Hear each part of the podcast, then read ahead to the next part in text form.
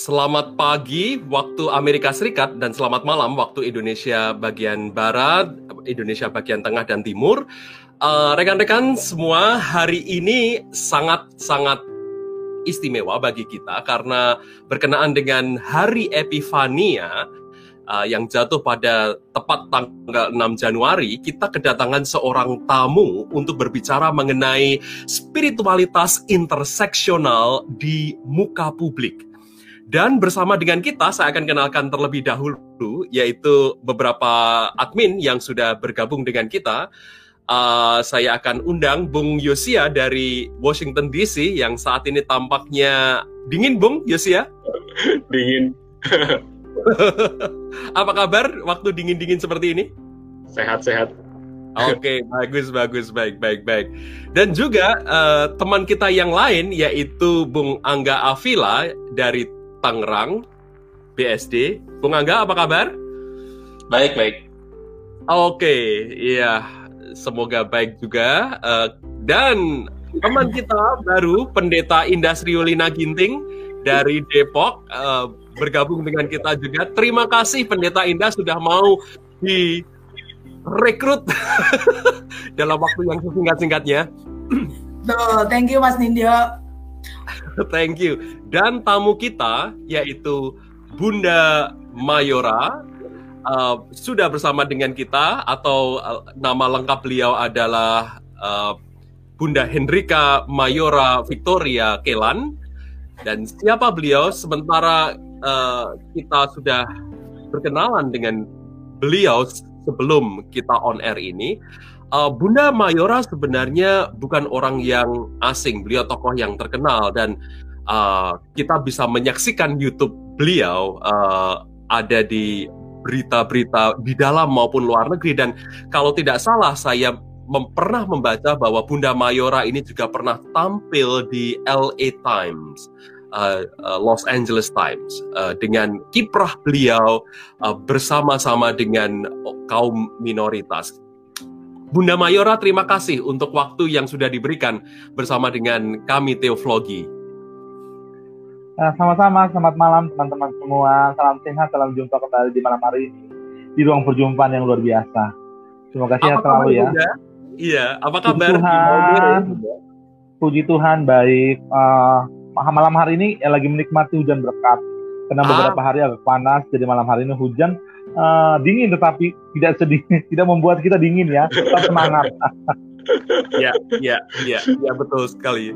Ya, jadi kami sangat berterima kasih Bunda sudah bersama dengan kita dan tanpa berkepanjangan ini, Bunda, saya ingin bertanya kepada Bunda. Um, Bunda adalah seorang transpuan. Kalau boleh uh, menceritakan kepada kami bagaimana uh, Bunda bisa mengambil keputusan untuk menjadi uh, transpuan dan mengapa Bunda yakin bahwa ini adalah panggilan Bunda untuk menjadi transpuan?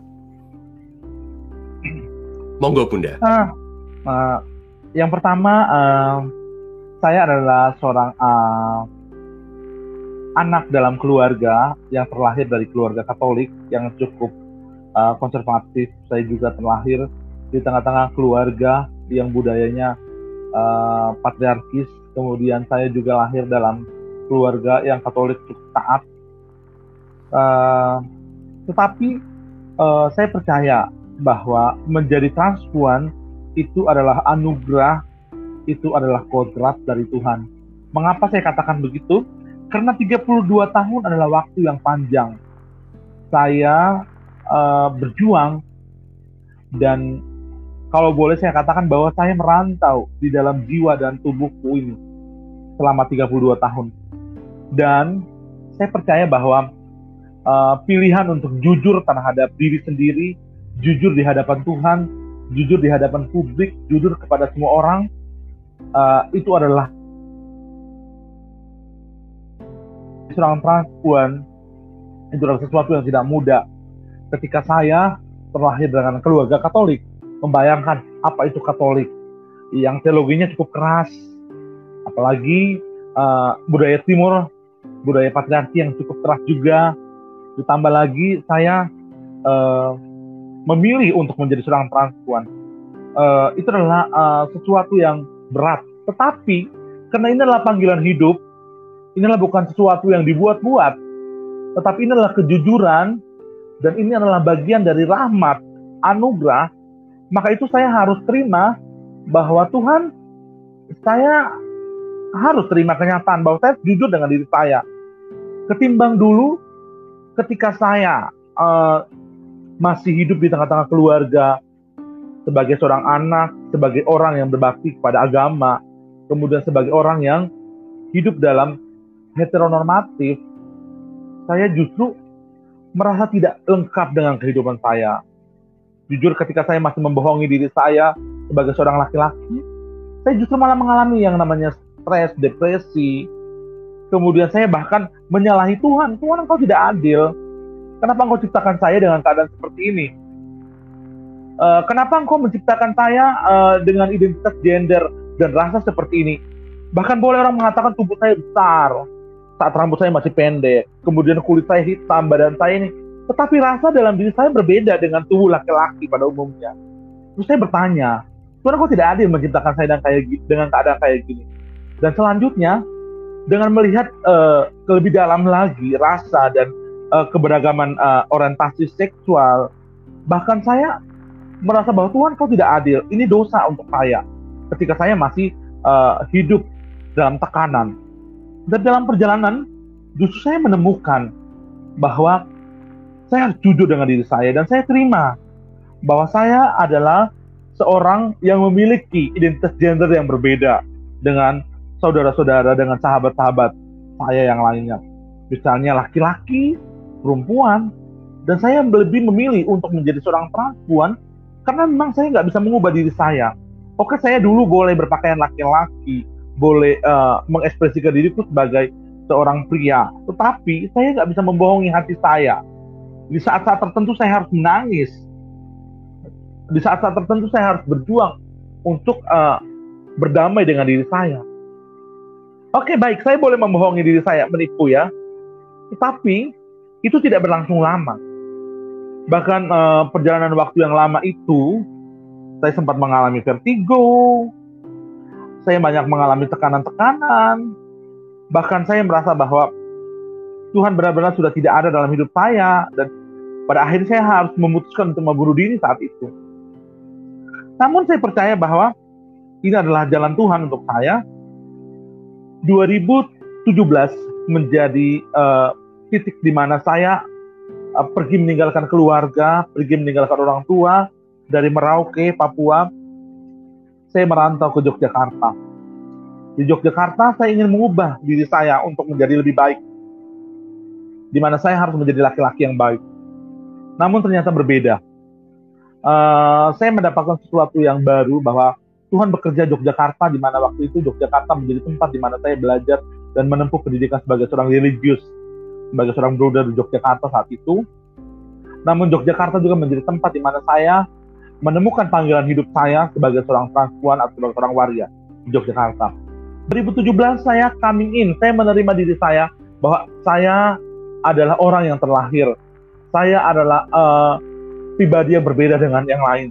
Saya sebagai seorang transpuan yang saat itu saya benar-benar uh, menerima diri saya dan penerimaan diri itu membuat saya untuk kembali berbagi dengan uh, komunitas di mana saya jumpai dan saya banyak menjumpai sahabat-sahabat saya di Yogyakarta, transpuan-transpuan di Yogyakarta.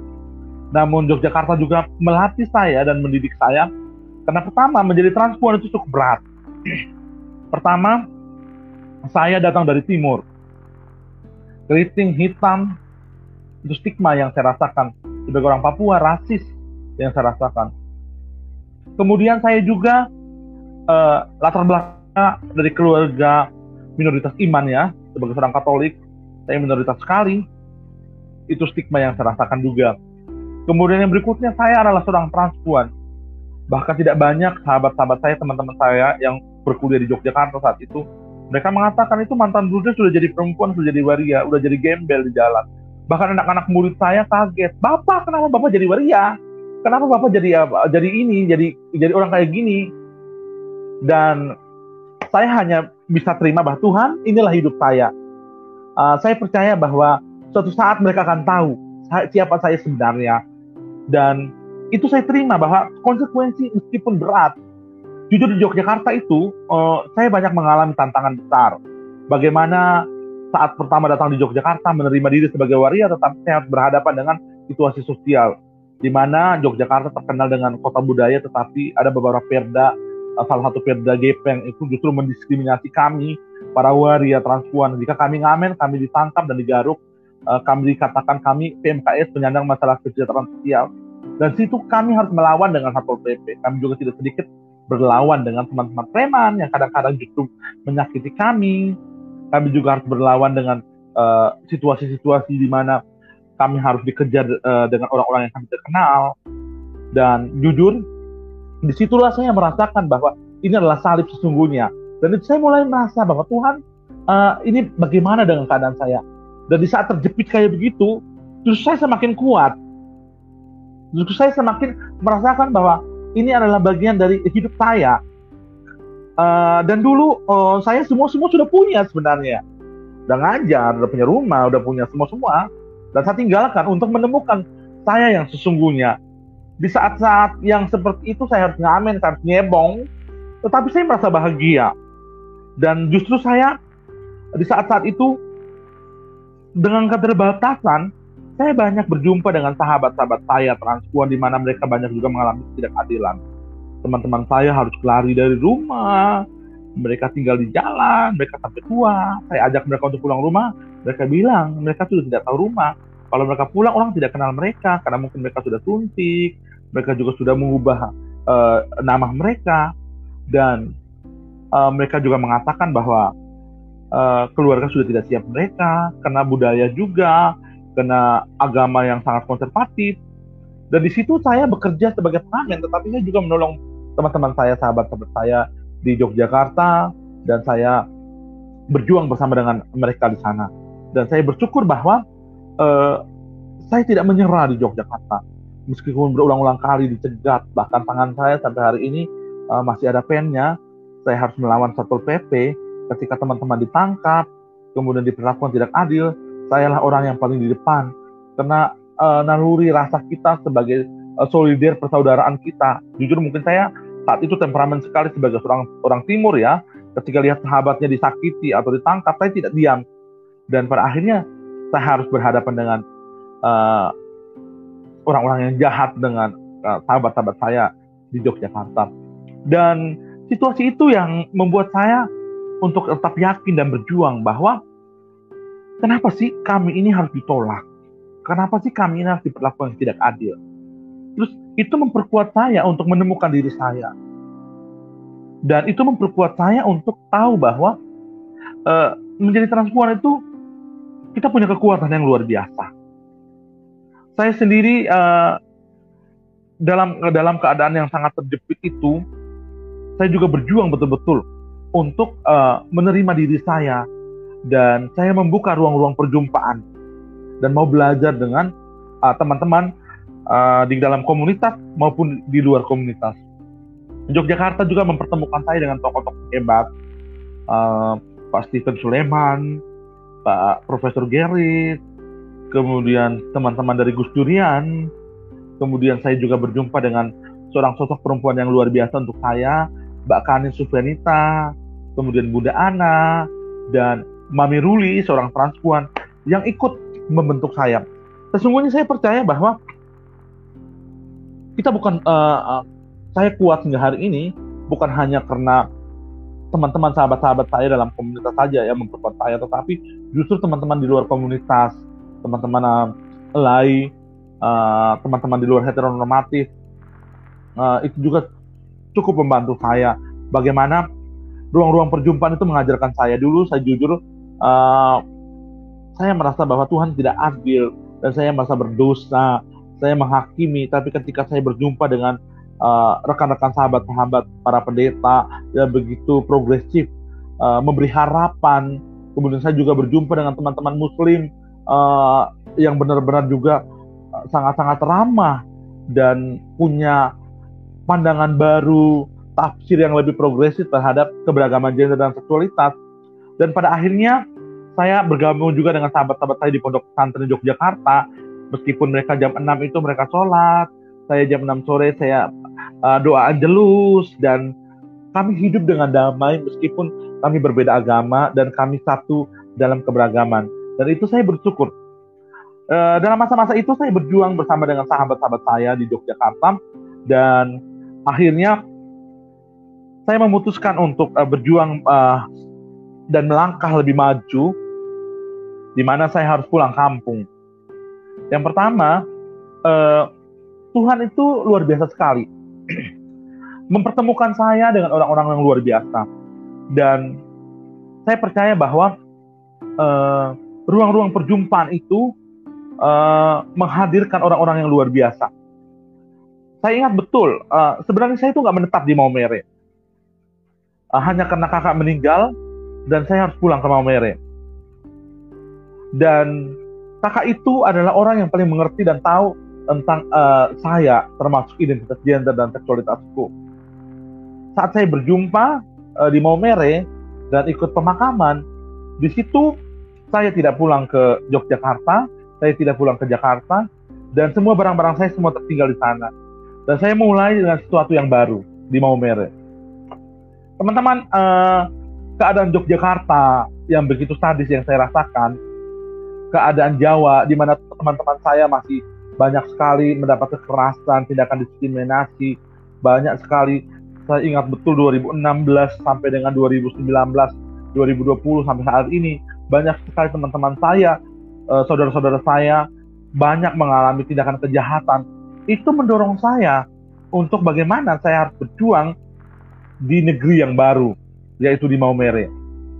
Uh, tempat asal saya di kampung saya di Habi, desa Habi, uh, orang yang berekspresi, uh, orang dengan uh, identitas gender sebagai seorang transpuan, uh, itu adalah hanya saya. Dan orang-orang kaget. Yang pertama, stigma kembali yang saya rasakan bahwa, wow, itu dulu bruder, datang lagi dengan model kayak begini maksudnya apa? Kemudian uh, banyak uh, orang-orang yang belum siap terima saya saat itu, saya tidak marah mereka, saya terima mereka. Kemudian saya tetap menunjukkan identitas saya sebagai seorang perempuan dan saya hadir dengan wajah yang baru. Saya mengatakan kepada keluargaku uh, dan orang terdekatku, dulu saya melakukan pelayanan dengan jubah sebagai seorang bruder. Dan saya percaya bahwa melayani Tuhan bukan hanya uh, hidup di dalam biara, tetapi melayani Tuhan dalam keadaan apa pun. Kakak sebagai bapak melayani Tuhan sebagai bapak keluarga. Saya sebagai seorang transpuan, sebagai waria, saya melakukan pekerjaan saya dalam karya-karya saya. Dan mereka kaget apa yang mau kau buat. Dan di situlah teman-teman, sahabat-sahabatku, saya mulai dengan satu pastoral kecil, yaitu pastoral uh, anak-anak. Dan saya mulai mengumpulkan anak-anak, karena betul ya, saya di Yogyakarta juga banyak pelayanan anak-anak. Saya membuat sekami, itu namanya Serikat Kepausan Anak-anak Misioner. Dan di situ oh, proses inklusi yang saya buat. Pertama, anak-anak saya latih paduan suara, saya latih nyanyi, kemudian saya mulai membuat negosiasi dan buat ruang perjumpaan dengan ibu-ibu. Yang pertama, ibu-ibu agak risih sih. Di kampung kami tidak ada waria, kenapa datang kamu? Saya bilang, kakak, lihat gerak-geriku, lihat hidupku, emang baru sekarang. Tidak kan? dulu waktu kecil atau dengar cerita, saya sudah seperti ini kan? Loh, iya benar ya. Hanya beda dulu saya tidak berlipstik, saya tidak berpakaian perempuan. Tetapi ini jiwa saya sesungguhnya. Negosiasi pelan-pelan, perjumpaan pelan-pelan. Akhirnya saya menamakan pastoral makeover. Saya dandan mereka, saya make up mereka, tetapi ada sesuatu yang saya kasih tahu ke mereka bahwa bagaimanapun uh, kita hidup berdampingan, kita hidup harus saling mencintai saya memiliki identitas gender saya seperti ini bukan saya buat-buat, tapi ini adalah bagian anu anugerah. Ini bagian dari pemberian Tuhan. Karena saya mau ubah juga saya tidak bisa. Mau paksa, mau, mau apa pun saya tidak bisa. Ini saya. Dan selama ini stereotype, terlabel, LGBT itu sudah dalam pemberitaan itu adalah dosa, itu adalah salah, itu adalah hal jahat. Dan ketika saya hadir dan mengatakan LGBT, mereka sempat marah. Itu itu hal yang jahat. Tapi saya katakan LGBT itu bukan dosa, itu bukan salah. Waria itu tidak salah, waria itu tidak dosa. Dan mereka melihat uh, dari kesaksian yang baik. saya hadir uh, mendampingi ibu-ibu. Pertama, uh, saya dipilih menjadi uh, seorang transpuan, seorang waria dipilih menjadi anggota PKK. PKK kemudian dalam perjalanan lagi karena mungkin uh, mereka melihat bahwa saya tulus melakukan itu dan tidak digaji, tidak diapa-apain, tapi saya bersyukur bahwa karya itu saya lakukan dengan baik. Dan saya terpilih menjadi ketua Pokja 1 di PKK. Itu uh, program yang cukup penting untuk pemberdayaan keluarga dan itu bukan di tingkat desa tapi langsung di tingkat kecamatan. Saya terpilih menjadi ketua Pokja 1 di PKK, kemudian di desa saya masuk dengan program inklusi mendampingi ibu-ibu, konseling parenting, dan orang melihat saya dengan identitas gender saya sebagai waria, saya tidak pernah tidak pernah berhenti untuk menunjukkan diri saya saat-saat itu dan saya terus uh, menunjukkan bahwa inilah saya. Saat-saat masuk gereja pertama itu uh, saya tetap ekspresi sebagai seorang transpuan. Gereja itu kayaknya ribut, kayak bunyi tabuan, wow, wow, wow, bunyi tabuan gitu. Karena orang tidak belum siap menerima saya.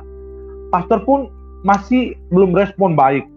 Meskipun saya sudah mendampingi anak-anak, tapi saya bersyukur dalam perjalanan waktu uh, memang saya percaya bahwa kita diuji, Tuhan menguji kita, Tuhan punya diri.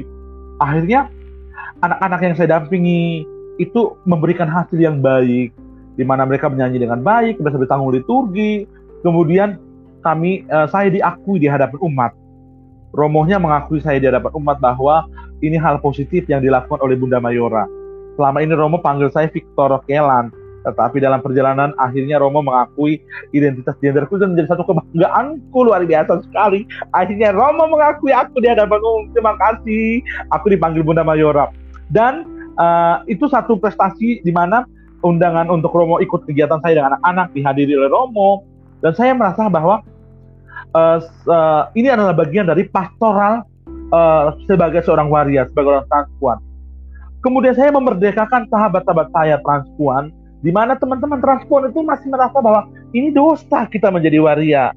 Ini salah ketika kita punya rasa seperti ini. Saya mengajak mereka, teman-teman komunitas saya, teman-teman transpon yang ada di Sikap, teman-teman, mari kita sama-sama duduk. Kita refleksi, kita hening, kita lihat. Menjadi transpuan itu dosa atau tidak? Kamu bermenung. Apakah menjadi transpuan itu kamu buat-buat? Atau saya dan teman-teman kita buat-buat? Kita memaksa keadaan kita untuk menjadi waria. Tidak kan? Teman-teman bermenung, ya tidak. Kemudian kita bermenung lagi, kita rasa. Ini nafas apa yang kasih? Nafas ini Tuhan yang kasih.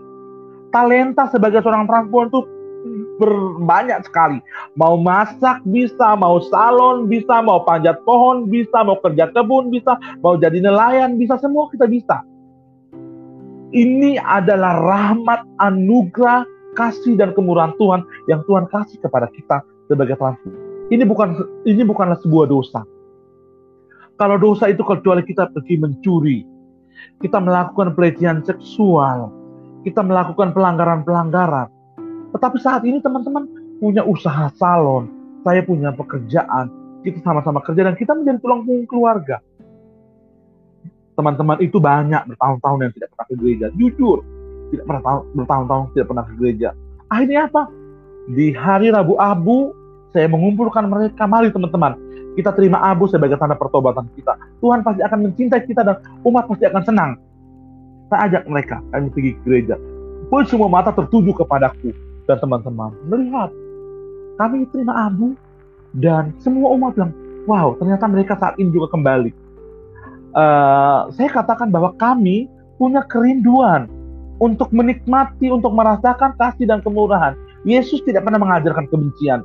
Yesus tidak pernah mengajarkan kejahatan. Yang ada adalah kasih, yang ada adalah kebaikan. Dan Yesus mengajar kita kalau kita kita ini manusia yang berdosa. Kalau kita bersalah, kita minta pertobatan, kita mohon ampun. Tuhan itu maha pengampun. Dan saya ajak teman-teman saya dan puji Tuhan, saya memerdekakan identitas gender dan identitas iman. Dan puji Tuhan mereka semua ke gereja dan kami punya kelompok kor namanya Sahabat Gembala Baik. Kami menyanyi, kami bisa tampil uh, sesuatu yang luar biasa. Gereja Katolik yang saat itu menjadi uh, sesuatu yang menakutkan untuk saya karena teologinya cukup uh, keras. Saya percaya Paus, Paus Fransiskus uh, saat ini lebih lembut uh, dengan um, pemberitaan dengan wartah baik dan itu saya rasakan juga di Maumere. Pada akhirnya saya berinklusi bukan hanya dengan masyarakat sosial, tetapi saya berinklusi dengan gereja. Jadi inkulturatif ya, waria dan gereja. Dan pada akhirnya uh, saya hadir uh, bersama dengan teman-teman di ruang-ruang perjumpaan lebih besar uh, bersama dengan para imam di STS Kali Dalero dan gereja Katolik. Pada akhirnya saya bersyukur sekali di Maumere gereja lebih lama, lebih terbuka dengan kita. Frater-frater juga mau belajar bersama kita, mau menerima kita, dan pada akhirnya kita hidup dengan damai di Maumere. Dan inilah ruang-ruang perjumpaan di mana uh, kita bukan hanya berguna. Akhirnya saya mengatakan kayak gini dengan teman-teman. Kita menjadi transpuan bukan hanya berguna untuk diri kita sendiri, tetapi kita harus berguna untuk banyak orang. Kenapa? Karena kita sudah terima diri kita, kita sudah selesai menerima bahwa kodrat kita adalah bagian dari anugerah Tuhan, maka itu saatnya mari kita berguna untuk banyak orang.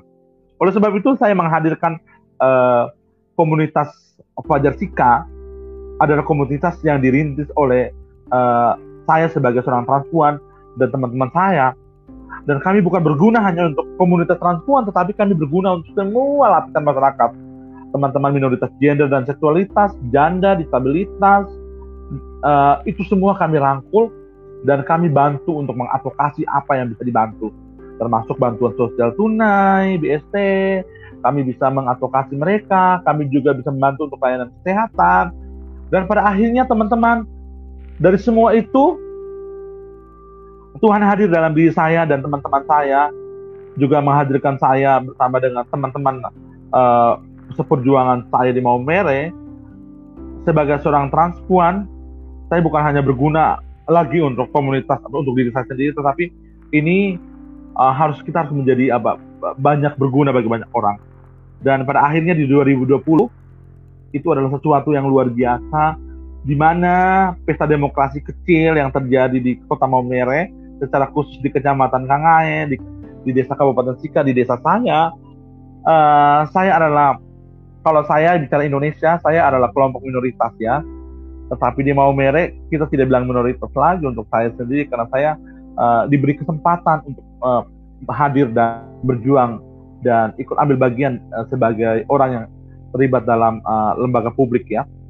2020 saya uh, salah satu kandidat yang dipilih dan siap untuk mengikuti pertarungan dalam pemilihan BPD. Teman-teman melihat perjalanan ketika saya di Yogyakarta, waktu yang singkat dan saya merasakan banyak sekali ketidakadilan yang dirasakan oleh teman-teman minoritas gender dan seksualitas, perempuan, janda, disabilitas. Justru itu mengajar saya untuk bagaimana saya harus berjuang. Dan untuk berjuang itu kita berada di dalam sistem. Satu-satunya jalan untuk hadir dan berjuang itu harus berada di dalam sistem. Waktu itu, waktu yang singkat ditanya, Bunda Mayora siap untuk uh, kami pilih dan mewakili da, da, uh, tempat pemilihan ini, Bunda Mayora harus uh, salah satu kandidat yang kami usung menjadi calon pemilih BPD. Saya sempat kaget karena saya tidak siap saat itu. Saya bukan orang yang melamar diri bahwa saya siap untuk menjadi, tapi saya dipilih. Waktu yang sangat singkat itu, saya percaya bahwa ini adalah panggilan, panggilan hidup dan ini adalah sebuah perjalanan baru. Dan ini saya katakan bahwa ketika saya sebagai transpuan, saya di luar sistem, saya boleh berkor-kor, orang tidak akan dengar saya. Tapi ketika menjadi seorang transpuan, ketika saya berada dalam sistem, apalagi BPD, itu punya fungsi, dia seperti DPR-nya desa, fungsi legislasi itu kami buat peraturan desa, PRDES, kemudian fungsi budgeting kami bagaimana dengan pemerintah desa, memanfaatkan dana desa itu sebaik mungkin. Yang sekarang ini dana desa itu sama dengan satu OPD ya yang ada di or, or, uh, di satu dinas itu. Kemudian bagaimana kami punya fungsi kontrol terhadap uh, kinerja pemerintah desa juga dan ini peran yang sangat krusial peran yang sangat penting dan di sini tugas saya bahwa saya harus hadir dan ikut menyuarakan aspirasi masyarakat termasuk suara kelompok minoritas uh, yang ada di tempat saya. Mama-mama khususnya teman-teman disabilitas, kemudian janda lansia. Dan ini waktu yang sangat singkat, hanya satu minggu. jujur bahwa uh, waktu yang singkat ini saya tidak banyak harus menyampaikan dan bersosialisasi. Tetapi saya bersyukur bahwa masyarakat ternyata luar biasa. Mereka sudah tahu saya dan sudah mengenal saya lebih awal. Ketika saya sudah hadir duluan, uh, saya saingan saya cukup berat karena banyak pejabat juga. Ada beberapa pejabat yang pernah menjabat sebagai kepala dinas, ada yang pernah menjadi ke, calon kepala desa, ada yang ketua Karang Taruna, ada yang uh, mantan uh, RT RW dan segala macam ya. Dan orang-orang cukup lama. Saya baru 2018 di Maumere 2020 dengan 2018 dan mereka lebih baik.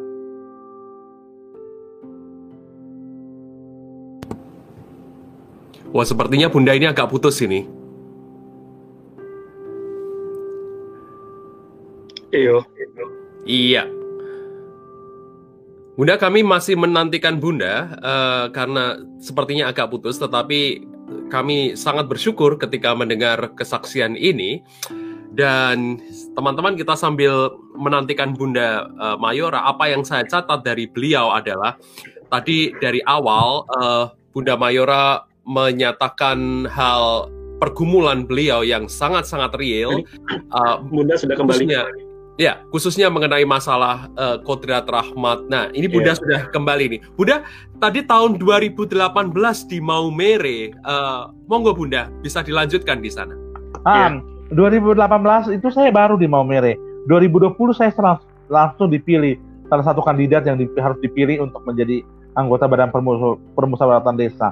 Saya justru baru, tetapi saya harus bersaing dengan orang-orang wajah-wajah lama yang ada di sana. Saya jujur saya orang lahir di sana, saya orang Maumere. Tetapi umur enam bulan saya sudah merantau dan dibawa orang tua ke Papua.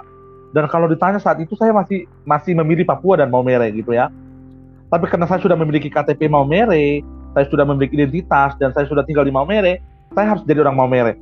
Dan akhirnya saya uh, adalah orang-orang bertanya ke saya gini, dia ini punya KTP kah tidak? Dia ini punya uh, dia warga warga Maumere kah tidak? Tapi RT saya bilang, hei, dia ini warga-warga yang paling baik karena dia datang dia sudah lapor dia punya KTP dan lengkap dan dia aktif di sini. Oh iya kah? Ya. Jadi saya tunjukkan saya dengan baik-baik aja kalau tidak dipilih nggak masalah. Tapi memang orang bilang saya punya KTP, saya punya lengkap, kartu keluarga lengkap. Akhirnya sudah. Masyarakat tahu bahwa dia punya KTP lengkap dan semua orang percaya bahwa Bunda Mayora. Saya tidak perlu itu. Karena saya ingat waktu itu bulan Maret. Bulan Maret itu kan masa pasca, masa prapaskah. Justru apa? Saat berpastoral, saat kasih KTKS itu, saya kasih saya kesempatan kesempatan habis KTKS mama saya biasa ini kalau satu orang yang dipilih harus jadi BPD Oh iya, kamu Bunda Mayora juga tahu BPD. Oke Bunda Mayora, kami percaya Bunda Mayora itu bisa. Kami siap mendukung Bunda Mayora.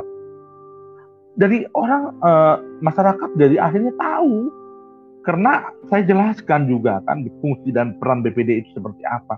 Masyarakat bilang Bunda Mayora, ini saatnya Bunda harus maju untuk menjadi BPD supaya membantu kami punya suara, membantu kami untuk menyuarakan aspirasi kami minimal melalui musrembang dusun, musrembang desa, musrembang iya. Saya katakan siap, Mama kalau mendukung saya, saya akan berusaha membantu. Dan mereka bilang Bunda Mayora siap, kami mendukung Bunda Mayora. Di salah-salah lain saat itu saya ingat anak ulang tahun, habis ulang tahun saya kan suka MC ya dengan anak-anak kami gitu kan. Jadi saat MC terus uh, orang tua nganterin anak-anak terus saya cerita mama saya ini juga salah satu kandidat yang harus dipilih jadi BPD oh ya ke bunda kan sudah dengar kami sudah sepakat untuk mendukung bunda dan keluarga akhirnya masyarakat. Dan orang melihat saya saya akhirnya bersyukur bahwa mereka melihat bahwa saya punya kemampuan punya kapasitas untuk bisa menjadi anggota badan permusyawaratan desa. Dan uh, perjuangan dari 2018 hingga 2020 melalui proses inklusi teman-teman uh, masyarakat akhirnya lihat bahwa selama ini terstereotip label yang diberikan kepada waria itu dipatahkan. Kenapa? Karena saya hadir dengan teman-teman. Bahwa kalau selama ini orang bilang kita dosa, dosanya di mana? Salahnya di mana? Kok dia pergi gereja? Kami pergi gereja dengan baik-baik. Terlebih di pandemi COVID-19 kami bukan hanya bantu teman-teman waria, tetapi dengan keterbatasan dengan cara Tuhan kasih banyak berkat dengan kehadiran komunitas kami Fajar Sika, kami banyak menolong janda-janda, kami banyak menolong teman-teman disabilitas, kami banyak menolong mama-mama, Yang apa? Di tengah-tengah pandemi itu orang-orang yang kerja di sektor informal itu tidak ada apa-apa. Semua macet. Saya hadir sebagai BPD saat itu di 2020 bulan Maret saya terpilih. Saat terpilih saya uh, akhirnya ibu-ibu merasa bangga dan senang bagaimana uh, kandidat mereka ikut terpilih jadi menang. Jadi bagaimana saya harus berjuang untuk mama-mama. Dan puji, puji, puji Tuhan uh, kami bisa mengadvokasi betul-betul bagaimana anggaran dana desa itu uh, bersama dengan pemerintah desa kami punya relasi yang baik. Bagaimana dana itu kita manfaatkan untuk uh, uh, fokus kepada penanganan COVID, di mana masyarakat terdampak COVID itu harus wajib mendapatkan bantuan uh, sosial tunai dari desa langsung menggunakan dana desa. Juga kita advokasi melalui dana dari pemerintah daerah, juga melalui dana dari pemerintah provinsi, juga kita langsung bisa mengakses dana-dana itu dan ibu-ibu yang belum dapat. Saya tidak langsung lalu desa tapi langsung ke dinas sosial. Dan saya punya channel di sana. Teman-teman transpuan juga KTP kumpul kartu keluarga kumpul saya langsung antar ke dinas sosial dan puji Tuhan teman-teman transpuan semua dapat bantuan sosial tunai. Saya tuntut karena kami warga negara Indonesia kami punya tanah kami punya calon kami punya motor kami bayar pajak kami tuntut hak kami sebagai warga negara Indonesia. Berikan hak kami. Bukan HAM lagi, tetapi ini hak kami warga Indonesia. Jadi sekarang kasih kami punya hak. Ya, puji Tuhan teman-teman saya hampir semua dapat. Di tengah-tengah pandemi, kami bisa mengadvokasi teman-teman bisa mengurus KTP mereka untuk bisa dapat bantuan. Dan itu kami lakukan. Dan puji Tuhan bahwa saya merasa bahwa akhirnya Tuhan hadir dalam diriku sebagai waria Tuhan hadir diriku bersama dengan teman-temanku sebagai sahabat-sahabat gembala yang baik untuk bisa menolong sahabat-sahabat orang-orang yang lain. Dan saya percaya bahwa spiritualitas kasih sebagai pengikut Kristus itu hanya bukan uh, di Alkitab aja, tetapi harus diaktualisasikan dalam kita punya tindakan nyata. Ini bagian dari teologi kontekstual. Kita merasakan bahwa Yesus datang-datang sebagai gembala, gembala yang betul-betul gembala, kalau saat ini saya di Maumere, sudah datang sebagai petani yang betul-betul hadir dengan para petani. Yang tahu dia punya susah, yang tahu dia punya rasa. Saat ini musim panen, saat ini musim hujan, saat ini musim tanam. Jadi saya hadir betul-betul dengan masyarakat sana. Meskipun sebagai waria, saya ajarkan ke teman-teman saya, kita tidak perlu takut, tidak perlu malu. Bahwa Yesus itu luar biasa. Yang ada sih Yesus tidak pernah mengajarkan kebencian. Yang ada itu adalah kasih.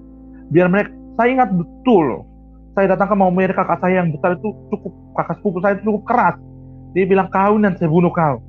Laki-laki mau jadi perempuan. Tapi saya percaya bahwa saya tetap hadir dan tetap memberi diri saya. Saya tetap senyum, saya tetap tunjuk diri saya sebagai perempuan. Saya percaya bahwa kejahatan itu dipatahkan, dilumpuhkan oleh kasih. Dan saya hadir mereka dan mereka terima saya. Saya saya bilang saya kamu bunuh saya. Saya ini kamu punya darah. Saya ini kamu punya saudara. Jadi akhirnya mereka terima saya dan pada akhirnya sekarang semua keluarga gereja terima saya. Dan dulunya saya mungkin takut bahwa gereja menolak tapi puji Tuhan gereja akhirnya terima. Saya secara merdeka beriman kepada Yesus yang luar biasa. Saya juga dengan hadir dengan teman-teman saya bukan berguna hanya untuk teman-teman saya tapi berguna untuk semua orang. Dan teman-teman saya juga sampai saat ini sampai detik ini dengan merdeka sebagai seorang transpuan juga sebagai orang yang beriman kepada Yesus.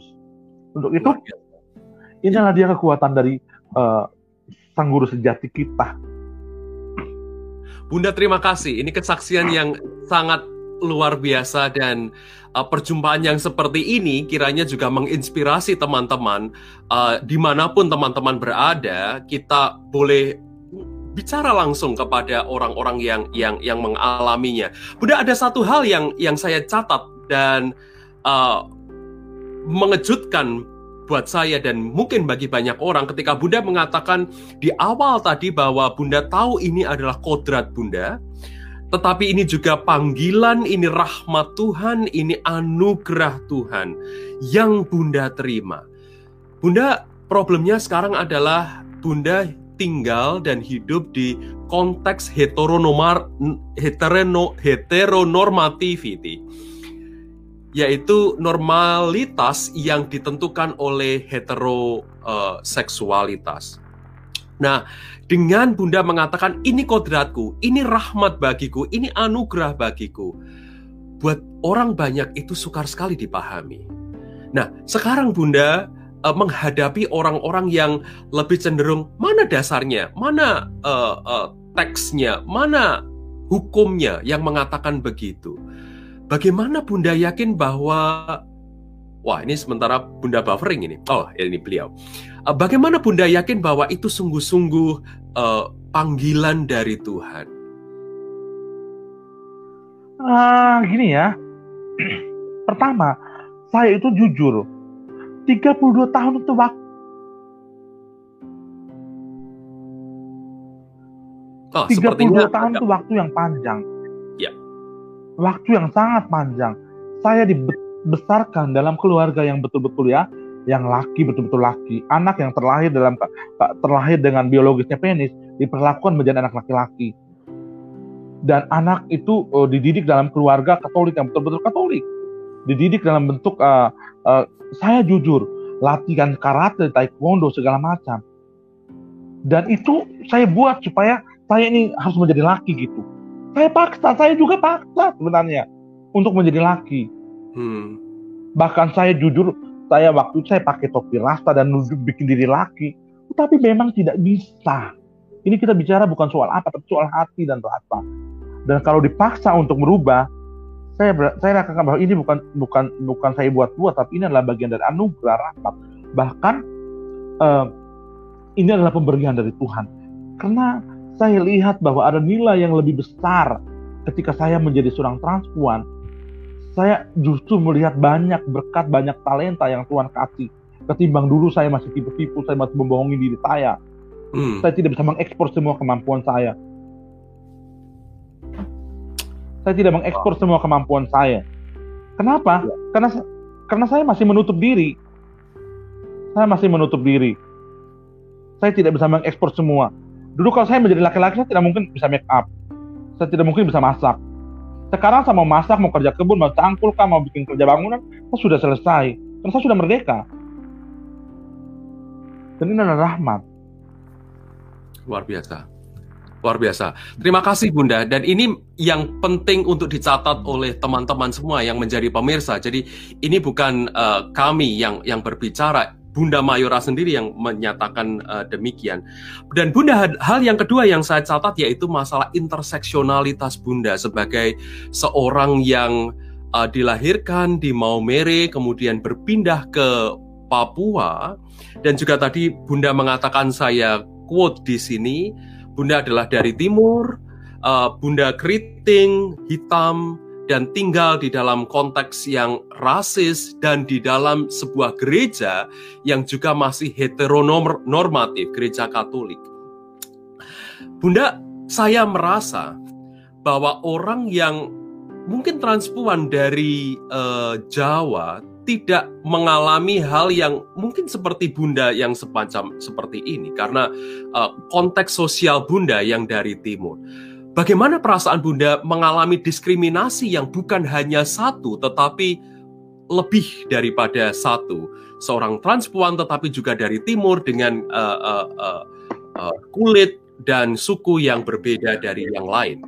Saya catat minimal tiga ya operasinya ya. Ras, suku, ya sama lokasi sosial juga ya. Minimal. Bagaimana Bunda? Iya. Hmm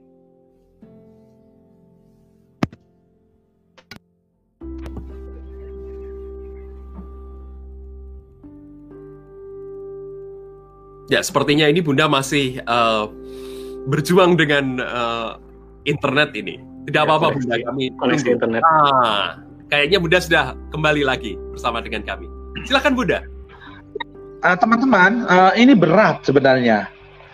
Berat, awalnya berat karena memang benar-benar oh dulu sudah nyaman ya. Artinya kalau pilih nyaman dulu sudah saya sudah nyaman, udah udah tinggal udah udah punya semua semua. Tapi ketika menjadi waria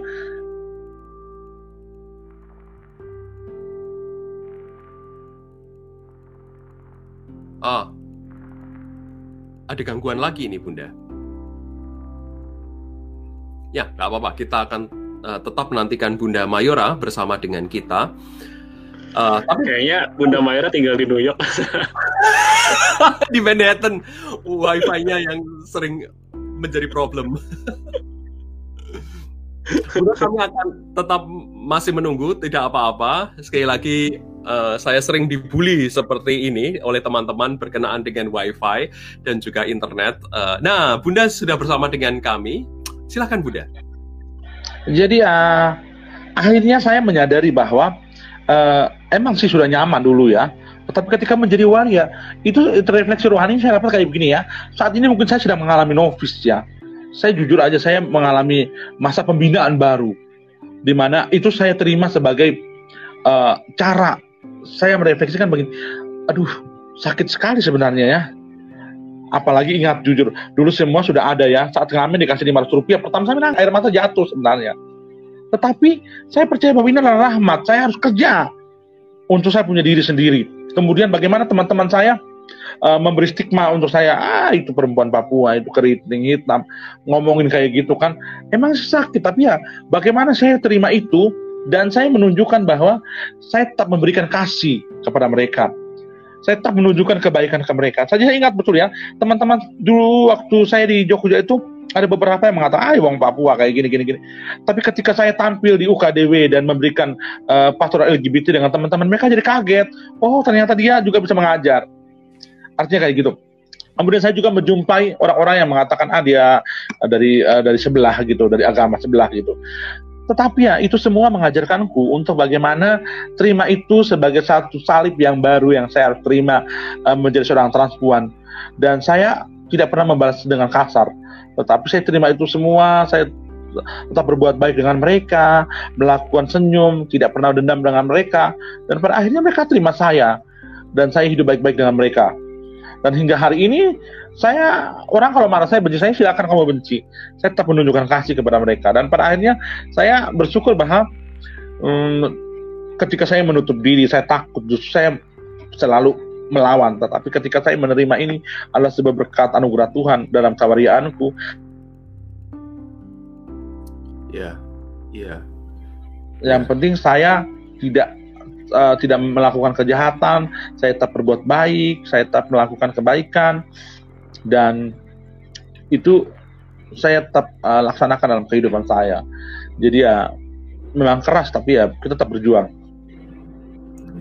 Hal yang luar biasa yang saya juga catat adalah ketika Bunda tadi mengatakan bisa menerima diri sendiri dan uh, ini adalah anugerah, ini adalah rahmat yang Bunda terima dari Tuhan.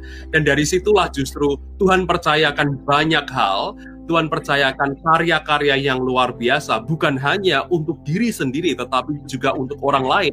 Dan terutama untuk trans-transpuan yang juga didiskriminasi, ditindas, yang dipinggirkan, dimarginalisasikan, oleh uh, masyarakat dan ini sebenarnya menjadi catatan juga bagi kita yang cisgender, yang hetero, yang uh, uh, banyak uh, tinggal di dalam segala kenyamanan.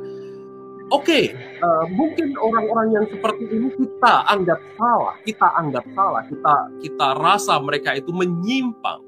Tetapi problemnya bagaimana perjuangan gereja, bagaimana perjuangan komunitas, bagaimana perjuangan orang-orang hetero. Ternyata uh, banyak kali orang-orang yang hetero lebih diam dan tidak membela mereka dan karena itu apa yang saya dengar dari Bunda tadi justru orang-orang seperti Bunda lah dari marginal inilah yang menyuarakan uh, uh, perjuangan itu dan Bunda sendiri memberikan kesaksian bahwa pada akhirnya ke, ke, kendati pun di awal itu dicibir, kendati pun di awal itu dicurigai, tapi pada akhirnya Bunda sendiri bisa melakukan karya-karya yang luar biasa. Bunda ada komentar sebelum nanti saya serahkan kepada teman-teman yang lain.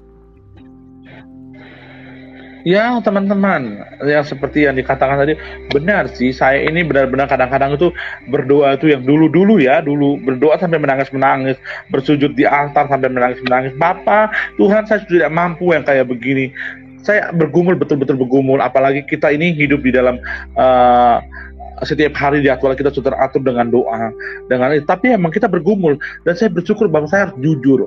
Kejujuran itu penting. Jujur, jujur dengan diri sendiri jujur di hadapan Tuhan bahwa ini adalah saya gitu. Dan saya tidak buat buat kalau saya tidak kuat justru saya memilih untuk menjadi laki lagi ketika saya disiksa, dianiaya saat itu. Tetapi justru saya menikmati uh, kasih Tuhan dan saya percaya uh, pelangi saya bersudah itu sudah Tuhan berikan untuk saya. Bunda terima kasih. Saya berikan kepada teman-teman apakah ada komentar dari Pendeta Indah, Bung Yosia atau Bung Angga. Pendeta Indah. Uh, terima kasih Bunda Mayora. Uh, saya harus mengapresiasi apa yang dilakukan Bunda. Kebetulan saya suka dengan pastoral. Jadi terima kasih untuk pelajarannya. Saya kemudian uh, terafirmasi uh, saya suka dengan uh, apa yang diceritakan Bunda dan kemudian saya menyimpulkan walaupun ini terlalu cepat ya. Ternyata kehadiran itu mendahului ideologi. Jadi apa yang uh, Bunda lakukan hadir bagi mereka yang termarginalkan kemudian mengubah penolakan menjadi penerimaan. Nah, ini ini ini pastoralnya tinggi sekali gitu. Itu komentar saya yang pertama. Tapi saya yang kedua uh, ingin bertanya. Tadi saya juga mengutip uh, apa kata Bunda, penolakan justru menggiring Bunda pada penemuan jati diri. Itu biasanya ya kita menemukan keutuhan diri itu ketika diterima, ketika diakui, ketika diapresiasi. Tapi justru Bunda menemukan, oh iya, aku memang seperti ini ketika mengalami penolakan. Itu mungkin bisa dijelaskan lebih lanjut, Bunda. Ini kayak bundanya Iya. koneksi. Tapi iya, Indah itu pertanyaan yang sangat bagus begitu. Justru di dalam penolakan uh, Bunda ter termotivasi untuk maju. Saya juga kepingin tahu apa uh, spiritualitas resource, spiritual resources yang Bunda miliki sehingga berani mengambil sikap yang seperti itu. Bunda apakah bersama dengan kami? Belum ya sepertinya ya. Ini masih masih buffering nih. Iya. Wah. Ah, ah, internet Manhattan. Levelnya internasional. Oh ini udah join lagi. Halo. Iya, halo Bunda. Iya. Pendeta Ina bisa diulang pertanyaan yang terakhir tadi? Oke, eh, pertanyaan terakhir Bunda. Tadi eh, Ya. dalam narasi Jadi, ih, teman-teman, silakan Bunda. Su- eh, Sudah, Masih sudah. putus-putus ini Bunda. Eh, sepertinya internet di Maumere. suara saya Ya, kedengaran? suara kedengaran. Ya, Oke. Jadi teman-teman, em, di dalam di dalam situasi seperti itu, eh, dalam sakit, dalam ke- keadaan seperti itu, justru akhirnya saya belajar bagaimana saya harus eh, saya belajar, justru saya belajar. Ini eh, ini adalah eh, mengisahkan bagaimana salib yang harus saya pikul. Dan justru saya saat saat kayak gitu saya ingat bahwa spiritualitas salib yang saya terima dari Yesus. Jadi akhirnya benar sakit memang, tetapi saya terima itu. Dan pada akhirnya Tuhan itu lebih jahat. Eh, Maka artinya dia banyak justru lebih mengalami lebih parah dari saya kan Yesus itu. Dia disakiti, bahkan dianiaya, disiksa. Dan saya bersyukur bahwa saya hanya mengalami itu dan pada akhirnya saya kuat. Saya percaya bahwa hmm, saya itu kuat benar. Eh, saya benar-benar kuat, eh, luar biasa. Karena saya percaya bahwa ini adalah salib yang harus saya pikul bersama Yesus. Kadang-kadang di saat-saat itu saya bilang, Tuhan, biarlah salibmu menjadi salibku, salibku menjadi salib membantu saya. Saya harus kuat. Dan eh, menjadi transpuan ini saya harus bawa sampai mati. Karena ini bukan saya buat-buat. Ini adalah bagian dari anugerahmu. Mampukanlah saya untuk bisa jalan. Saya tidak bisa jalan sendiri. Kuatkan saya untuk saya mampu dan saya bisa berjalan apalagi saya harus meninggalkan keluarga saya saya di Yogyakarta hidup sendiri saya tidak seperti saya tidak punya banyak umat seperti dulu saya harus dapat makan dari umat dapat uang dari pelayanan saya tapi saya saat ini saya benar-benar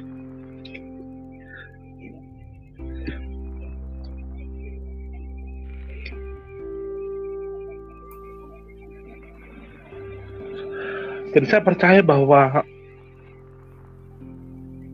semangat salib Yesus itu mengajarkan saya untuk saya kuat.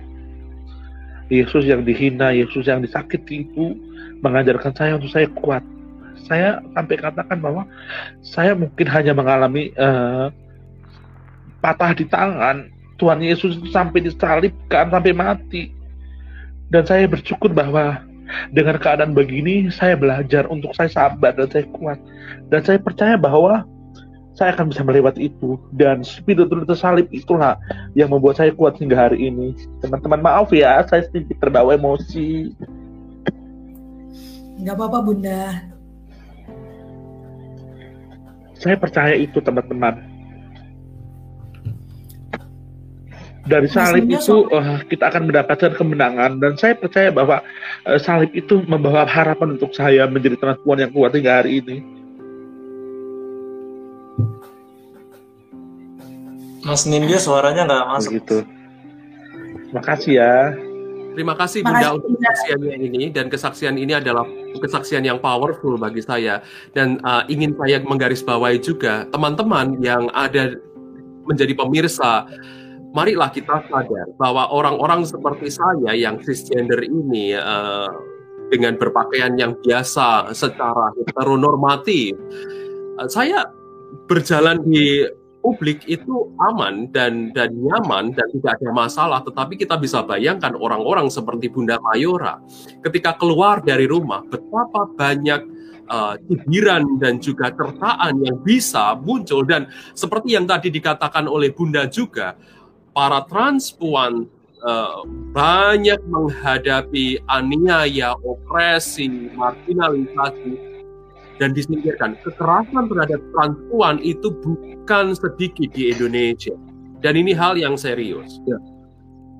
Apa resources gereja, apa uh, dasar gereja untuk kemudian berkata, mari kita bela mereka, mari kita bela uh, ketidakadilan apa terhadap orang-orang transpuan ini. Jikalau gereja tidak memiliki uh, spiritual resources untuk kemudian mengatakan ini salah atau ini benar, tindakan terhadap uh, rekan-rekan transpuan ini. Rekan-rekan yang lain, Bung Yosia atau Bung Angga, apakah ada uh, respon? Silahkan Bung Angga. Uh, aku atau Yosia, aku dulu ya. Uh, thank you banget loh sharingnya uh, malam hari ini aku jujur sangat-sangat apa ya aku bisa bilang kayak dapat enlightenment atau epiphany uh, dari ceritanya bunda. Karena aku jadi mikir ya benar tadi Sinju cerita kita di sini kan orang-orang aku akan bilang bukan mau mendiskriminasi tapi orang-orang yang privilege lah. Aku bisa menjadi diriku apa adanya tidak akan ada masalah. Nggak akan ada ketika aku bilang aku mau menjadi diriku apa adanya tidak akan ada mencerca apa mana kebenaran teks Alkitab itu nggak ada. Karena itu privilege yang aku berikan ya aku dapatkan sorry. Aku melihat bunda dan kondisi dari tradisi kok aku menyadari bahwa jadi ironis ya cerita bunda Mayora nih sebuah cerita yang sangat indah menurut ya. Sangat beautiful kan? Tetapi dalam institusi gereja kita lupa bahwa keindahan itu penting kan? Kristus disalib itu kan sebuah keindahan ultimat tapi kita mementingkan hanya yang benar yang baik yang benar, yang baik, sampai-sampai lupa aspek keindahan. Padahal mungkin untuk orang di luar sana, buat teman-teman trans, melihat cerita Bunda Mayora, melihat keindahan itu bisa melihat keadaan, melihat Kristus gitu di situ. Tetapi aku melihat pun terkadang di dalam posisi mementingkan mana teksnya, mana yang benar sampai-sampai melupakan aspek lain dan tanpa sadar si orang lain hanya karena aku di dalam posisi yang nyaman. Aku di dalam posisi yang terlindung. Jadi aku aku pemerintahku dingin sini tadi dengar cerita Bunda karena ya berbiasa cuma aku pengen punya satu pertanyaan aja deh. Mungkin mirip sama pertanyaannya Pendeta Indah. Bunda kan lama di Bruder, berarti kan pasti menjalani juga aktivitas spiritualitas lah dengan rutin dong kan diajarkan begitu. Ya. Bagaimana untuk ini pertanyaan juga menurutku yang mungkin juga jadi banyak pertanyaan orang di kaum konservatif bahwa panggilan menyangkal diri itu penting. Kenapa Bunda memilih tanda ini kan sebenarnya melihatnya dua-duanya penyangkalan diri. Yang satu menyangkal diri di dalam identitas seksual, yang satu Bunda menyangkal diri di dalam penerimaan masyarakat, kesulitan hidup penyangkalannya. Apa yang membuat Bunda memilih penyangkalan satu dan yang lainnya? Ya. Uh, terima kasih teman-teman. uh, ini adalah bagian dari uh, seperti saya katakan bahwa proses untuk bagaimana ketika saya akhirnya memilih untuk menjadi uh, waktu itu memilih untuk menjadi seorang biarawan uh, dan saya bergumul dan berjuang dan mengolah itu artinya saya mengolah benar-benar mengolah ya pengolahan hidup secara psikologi secara spiritual saya mengolah. Tetapi kita nggak bisa melawan yang namanya kodrat yang namanya anugerah. Maka itu saya boleh berdoa, teman-teman jujur kita boleh berdoa, spiritualitas kita boleh kuat, tetapi ketika kita menolak rahmat atau kodrat itu, kita tidak bisa damai. Dan saya boleh, akhirnya saya boleh men, me, uh, menyembunyikan diri saya di balik jubah saya saat itu. Tetapi saya nggak bisa menutupi hati saya di hadapan Tuhan. Saya tidak bisa menutupi diri saya di hadapan Tuhan Bahkan itu saya rasakan ketika saya membohongi diri saya, justru saya mengalami banyak kesakitan. Saya ingat bagaimana pengolahan dalam diri saya sampai saya mengalami yang namanya vertigo, sampai saya mengalami yang namanya depresi yang luar biasa. Dan pada akhirnya saya percaya bahwa menjadi transpuan, menjadi waria adalah rahmat dan anugerah Tuhan. Dan saya lewati tahap-tahap akhirnya saya itu menjadi transpuan itu saya lewati seperti masa di mana saya menjadi seorang biarawan pertama ketika saya harus ke Yogyakarta, saya kehilangan barang-barang saya. Saya seperti seorang calon uh, calon calon nopis gitu, calon calon biarawan. Dan itu refleksi refleksi rohani saya. Tuhan biarkan saya dibentuk dalam kewariaanku. Dan Tuhan membiarkan saya dibentuk dalam keadaan-keadaanku yang saya alami dalam proses-proses itu. Hingga tahap sampai hari ini saya harus menjadi transpuan yang kuat dan ini adalah bentuk dari kejujuran dan ini adalah bagian dari uh, saya percaya bahwa Tuhan Tuhan tidak Tuhan benar-benar luar biasa memberikan saya untuk punya hati yang jujur untuk bisa menerima uh, diri saya untuk bisa menerima bahwa ini adalah bagian dari rahmatnya justru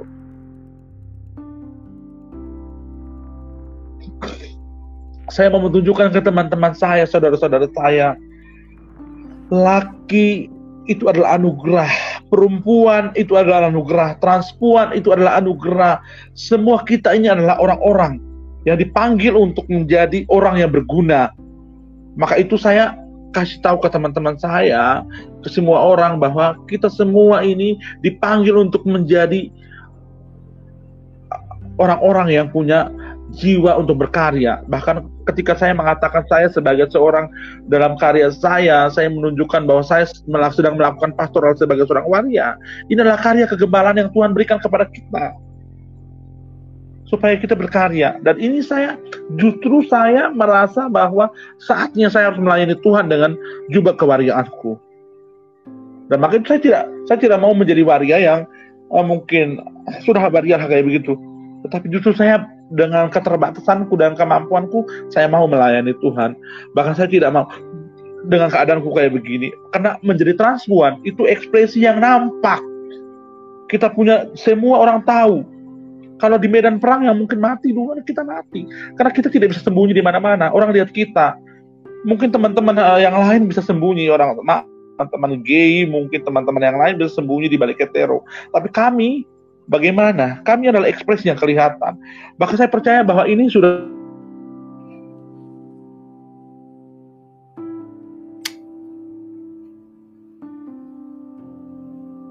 Ya, uh,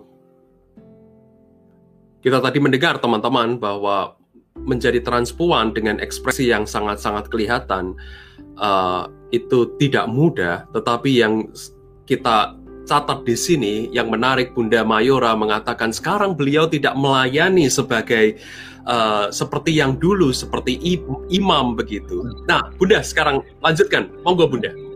Jadi teman teman-teman menjadi bruder juga melakukan karya kegembalaan, menjadi bapak keluarga juga karya kegembalaan, menjadi pendeta juga kita melakukan karya kegembalaan, kita dipanggil kita semua masing-masing Tuhan sudah memberikan karya-karya uh, panggilan hidup masing-masing. Maka itu saya bersyukur bahwa uh, mungkin uh, atau saya percaya bahwa Tuhan menghadirkan saya untuk menjadi seorang transpuan untuk bisa melakukan karya uh, yang yang seutuhnya yang yang yang nyata saat ini. Ketika dulu masing-masing uh, teman punya panggilan hidup masing-masing. Dan saya percaya bahwa kita punya panggilan hidup masing-masing yang sudah Tuhan atur. Bunda yang luar biasa yang saya catat di sini, Bunda menyandingkan antara peran keimaman, peran kebruderan dengan memakai jubah bruder, memakai jubah imam, dan sekarang Bunda juga memakai jubah yang lain uh, sebagai seorang transpuan, tetapi sama-sama bruder, uh, Bunda mengatakan sama-sama melayani Tuhan, sama-sama uh, memberikan sesuatu untuk Tuhan, dan juga sama-sama melakukan karya penggembalaan. Ya. Dan ini powerful bagi saya. Eh, teman-teman uh, yang lain, Bung Yosia silahkan memberikan respon. Uh, pertama-tama terima kasih Bunda. Ini saya kayak kuliah ya. Jadi tadi dari apa yang Bunda sharingkan itu apa ya saya memetakan banyak hal. Jadi ya dalam kajian saya kan belajar teologi publik ya. Ya waktu Bunda bilang perjuangan yang Bunda mau lakukan tuh ya bagi rekan-rekan transpuan yang dimarginalkan itu saya ingat semester lalu belajar tentang ini kajian filsafat politik etika begitu kan. Apa sih artinya warga negara misalnya? Wah. Terus ya jadi banyak hal lah yang saya dapat begitu. Terima kasih. Terus juga kesaksian bunda ya masa narasi sendiri kan narasi transpuan misalnya. Itu pun um, memperkaya saya lah banyak. Hal tapi yang sangat saya tertarik sekali waktu tadi bunda bilang masalah ruang ya ruang pertemuan tadi ya. Nah itu itu juga menyentil saya. Jadi selama waktu setelah Bunda bilang ruang perjumpaan itu dan Bunda bercerita tadi itu, imajinasi saya jadi kayak melentur ya setiap Bunda bercerita itu saya memainkan istilah ruang tadi. Dan saya di sini juga senang dengan istilah spaciousness, dia bilang gitu. Bagaimana Allah itu selalu bisa digambarkan dengan ruang misalnya. Nah sebenarnya bicara anugerah juga bisa dikaitkan dengan ruang kan sebenarnya. Bagaimana Allah memberikan ruang bagi manusia gitu kan dan yang menarik misalnya waktu tadi Bunda bercerita Bunda kan uh, mencoba mengadvokasi ya. Yang transpuan kan mereka Bunda memberikan ruang ya bagi yang lain. Yang mana mungkin gereja kadang-kadang tidak memberikan ruang bagi yang lain begitu kan. Wah jadi itu mencelikan saya banyak hal ya. Terus saya, saya teringat juga misalnya waktu Bunda bercerita iya ya Allah Tritunggal sendiri sebenarnya memberikan ruang dalam dirinya ya bagi pribadi yang lain dan dia memberikan ruang bagi dunia misalnya jadi satu sisi mungkin apa yang Bunda lakukan dalam satu aspek tertentu ya memang mencerminkan alat Tritunggal memberikan ruang bagi yang lain misalnya. Wah ini jadi banyak permainan ide ya yang saya dapatkan ketika mendengarkan Bunda bercerita nih. Nah, yang membuat saya tertarik, jadi terima kasih untuk itu Bunda ya. Saya kalau bahasanya Angga dan Indah itu kan dapat kuliah gratis gitu ya. Jadi saya dapat kuliah gratis dari Bunda nih. Sama ter tercerahkan ya gitu dengan permainan konsep yang menarik bagi saya begitu. Nah, tapi yang saya tertarik itu sebenarnya masalah interseksionalitasnya ya. Jadi Bunda kan tadi uh, bercerita ya, uh, ya Bunda sebagai uh, rekan dari timur misalnya dan betul saya pernah tinggal di Ambon walaupun tuh nggak timur-timur amat tapi saya bisa merasakan juga gitu walaupun nggak bisa eh merasakan ya membayangkan ya problemnya begitu dan misalnya tadi juga transpuan misalnya ini kan berarti identitas betul-betul identitas ini ya, multiple identitas ya. Dan memang setiap identitas ini kan Kristen juga, misalnya kan minoritas dapat minimal tiga ini ya. Nah yang saya pengen tanya sebagai ya katakanlah dalam kaji uh, interseksionalitas ini begitu, menurut Bunda Allah itu siapa sih kalau boleh sharing? Kan tadi juga Bunda sempat cerita tuh ya, sempat jengkel dengan Allah misalnya kan marah dan itu valid bagi saya begitu. Nah sekarang pertanyaannya menurut Bunda siapa sih Allah itu? Nah, dalam dalam dalam keterlemparan Bunda ya, dalam ketiga tiga interseksionalitas ini kan gitu.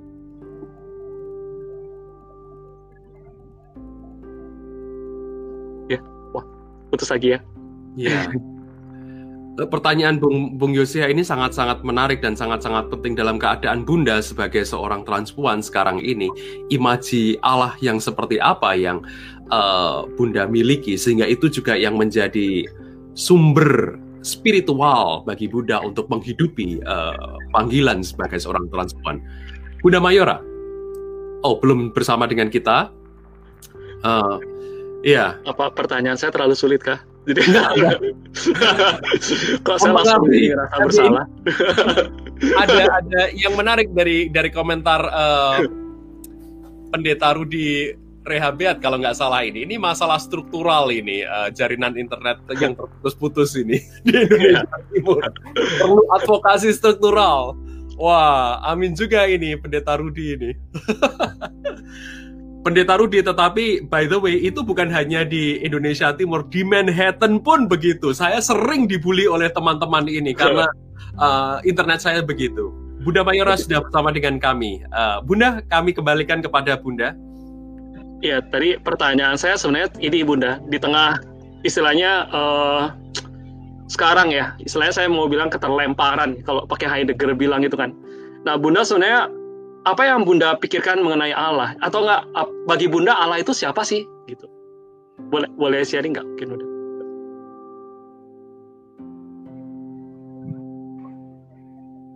Bunda, ya.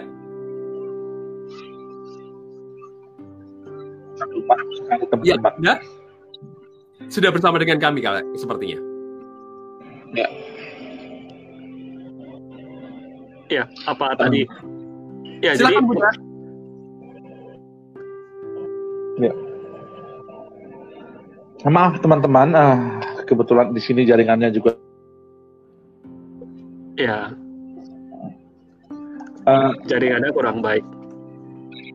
Iya, Bang Yosia, uh, uh, kata kunci aja pertama terakhir, biar saya bisa apa? Ya, uh, jadi saya cuma bertanya, uh, bagi Bunda sekarang, dengan di tengah keterlemparan ya, uh, Bunda ini Tuhan itu siapa sih?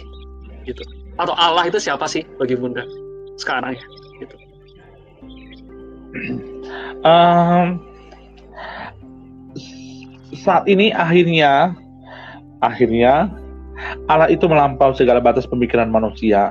Allah itu uh, hadir dalam diri saya dan Allah itu hadir di mana-mana.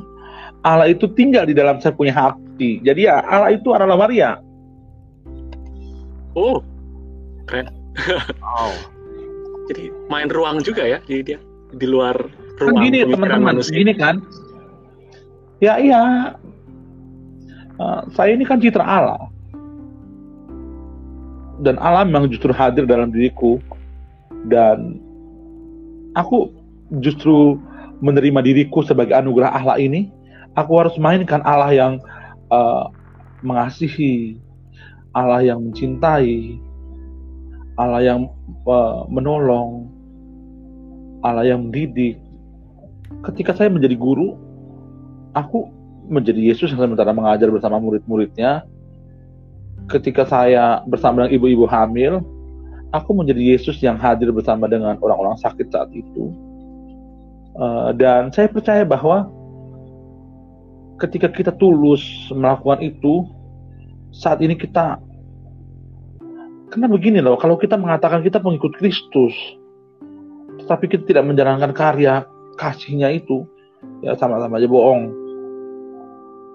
Tapi ya ketika dengan keadaan total keadaanku seperti waria gini, saya mau menunjukkan bahwa ini ketulusan hati saya, ini kejujuran hati saya, dan saya mau melaksanakan uh, apa yang selama ini orang mungkin cap saya sebagai seorang uh, orang dengan identitas gender sebagai waria itu salah. Orang yang mengadap, mencap saya sebagai orang yang berdosa, orang yang mencap saya sebagai orang yang uh, melanggar kodrat. Kodrat melanggar kodrat itu di mana? Gitu. Saya ini manusia, sama dengan manusia-manusia yang lain. Kita diciptakan dicitra dengan Allah.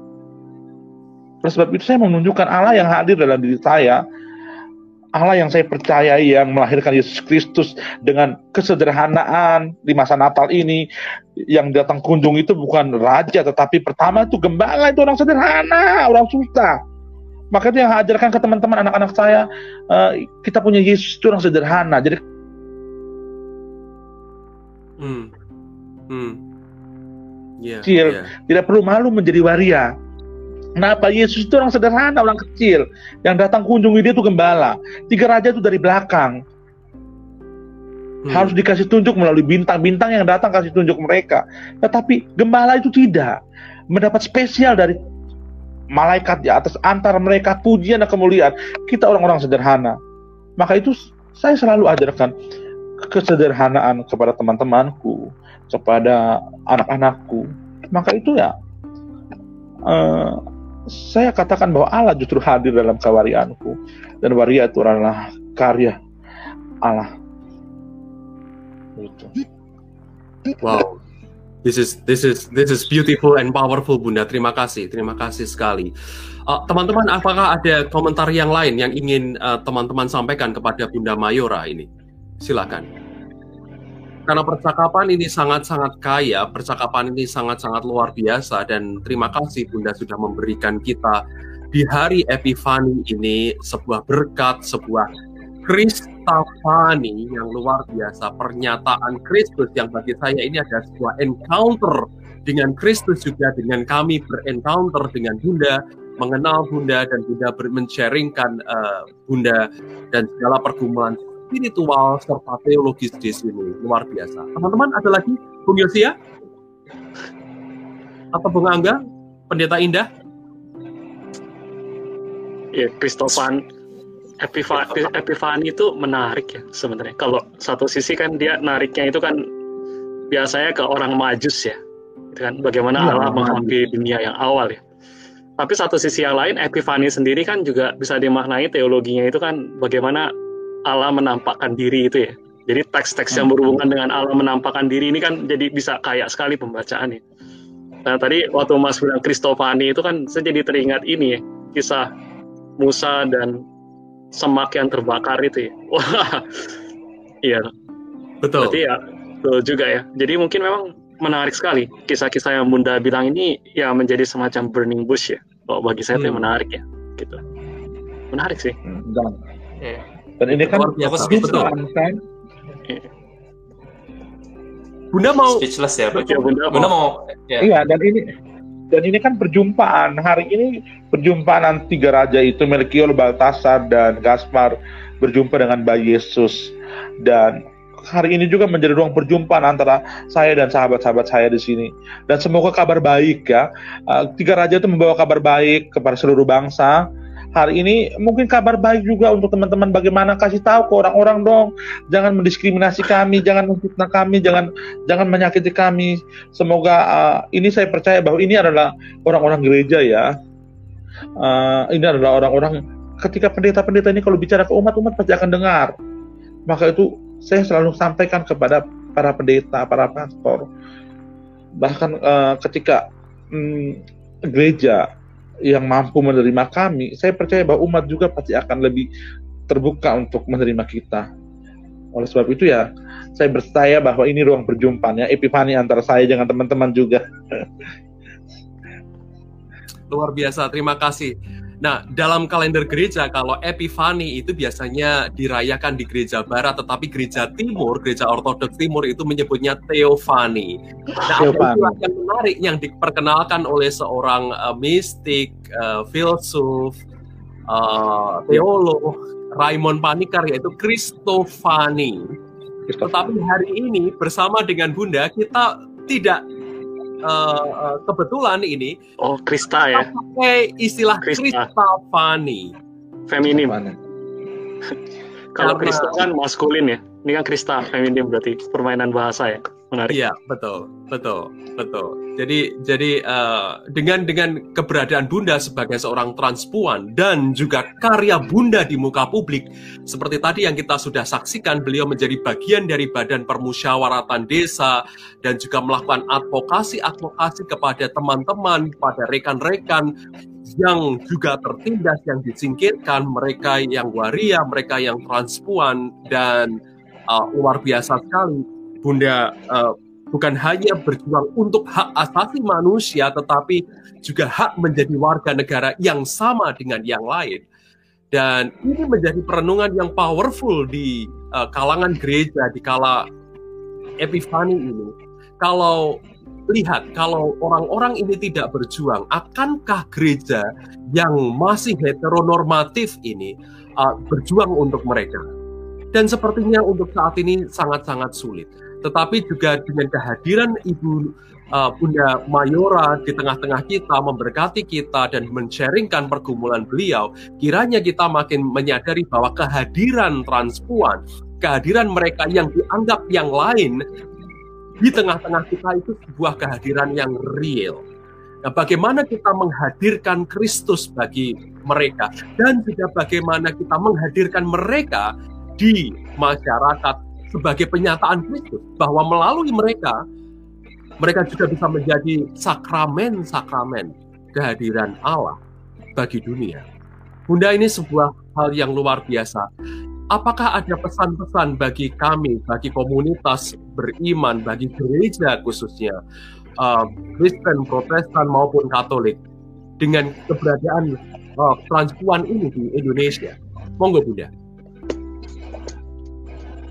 Uh, yang pertama bahwa saya bersyukur bahwa hari ini kita bisa uh, berjumpa di dalam uh, media ini dan akhirnya Allah menghadirkan kita uh, dalam ruang perjumpaan ini.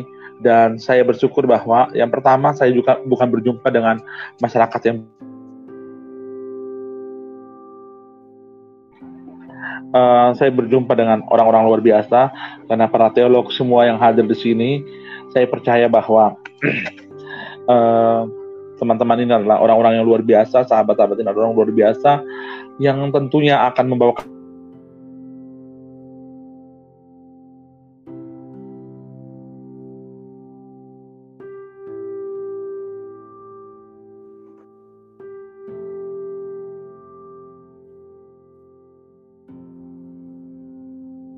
Mas Tindyo nggak kedengeran, kayak ke mute ya? Oh ya, um, ya kita masih tunggu Bunda untuk join kembali dengan kita dengan masalah internet. Kayak penyakit penyakit internet lemotmu nular. Iya. Ansor itu internet pun, internet pun punya ini daya uh, penularan yang luar biasa.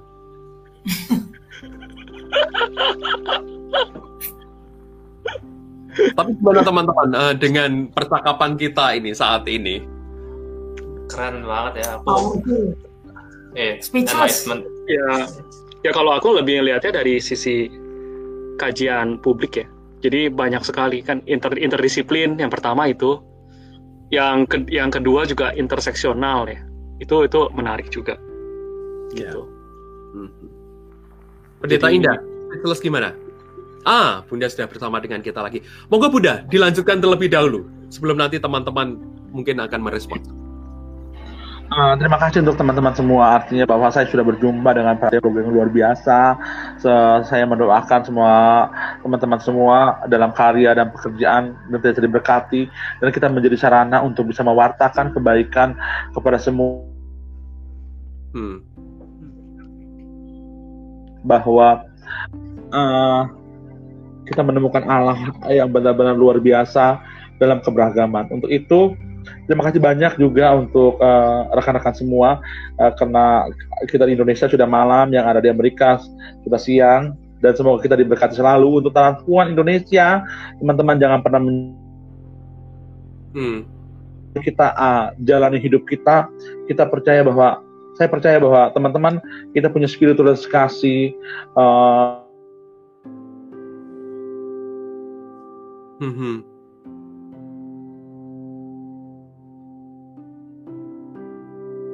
Ya, spiritualitas kasih yang tadi Bunda Mayora tekankan kepada kita, eh, kita akan nantikan. Oh, Pendeta Indah, silahkan merespons lagi gimana eh, speechless-nya.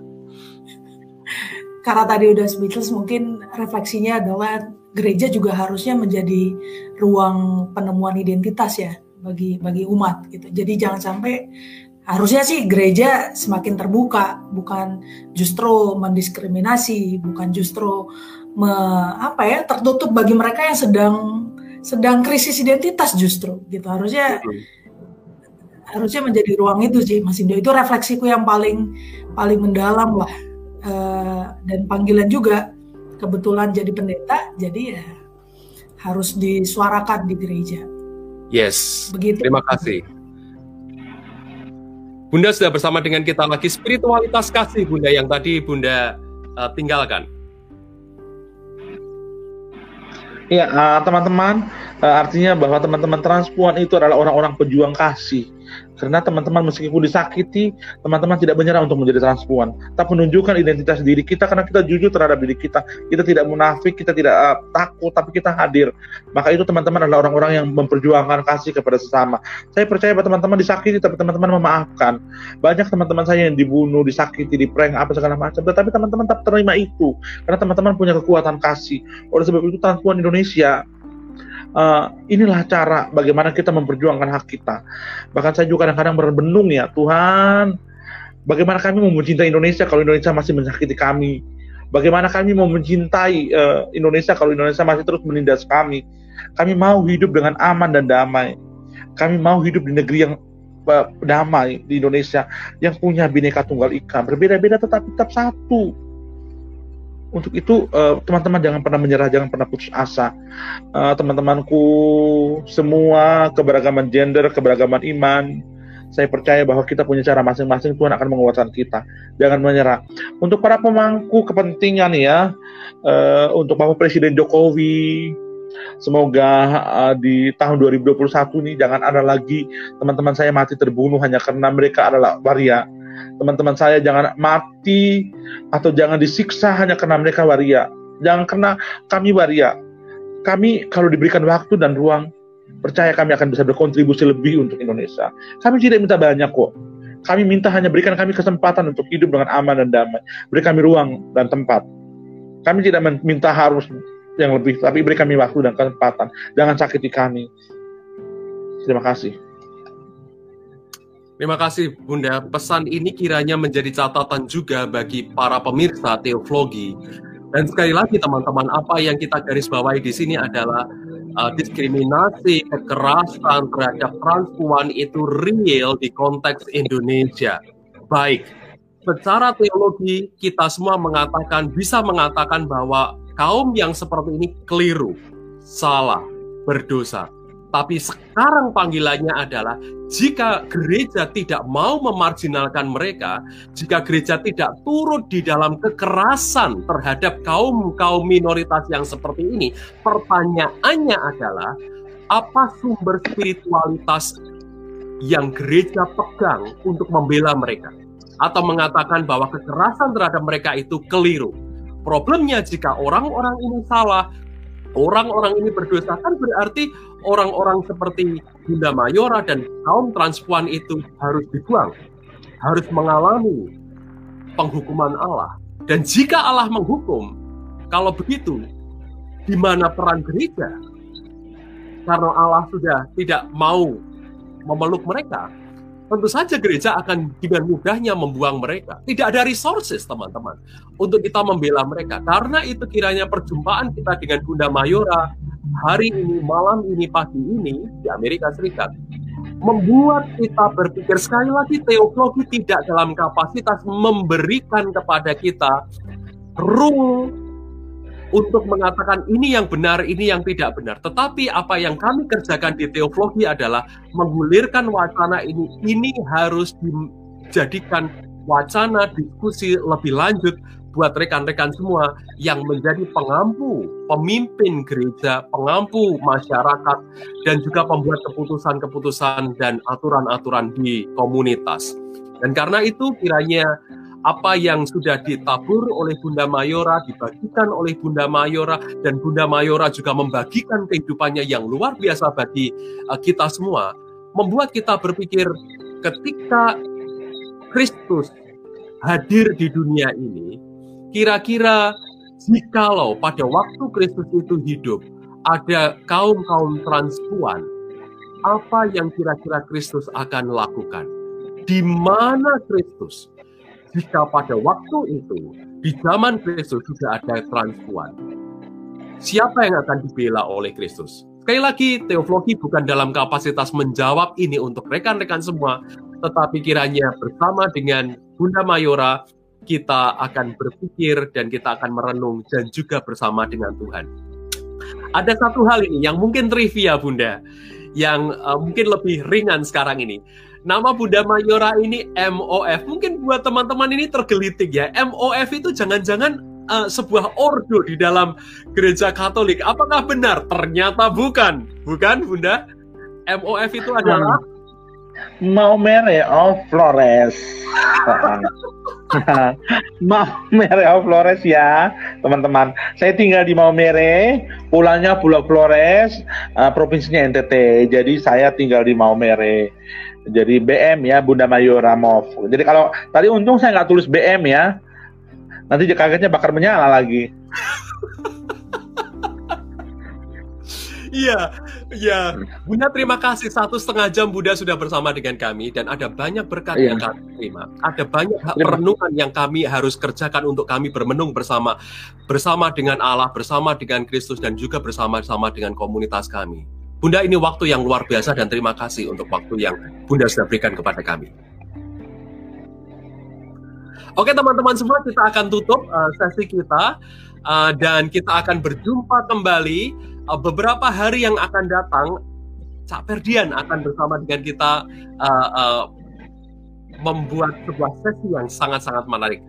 Jadi jangan lupa tetap bersama dengan kami dan tanggal 10 kita akan bersama dengan Ibu Elga Sarapung, uh, Direktur dari Dian Intervide.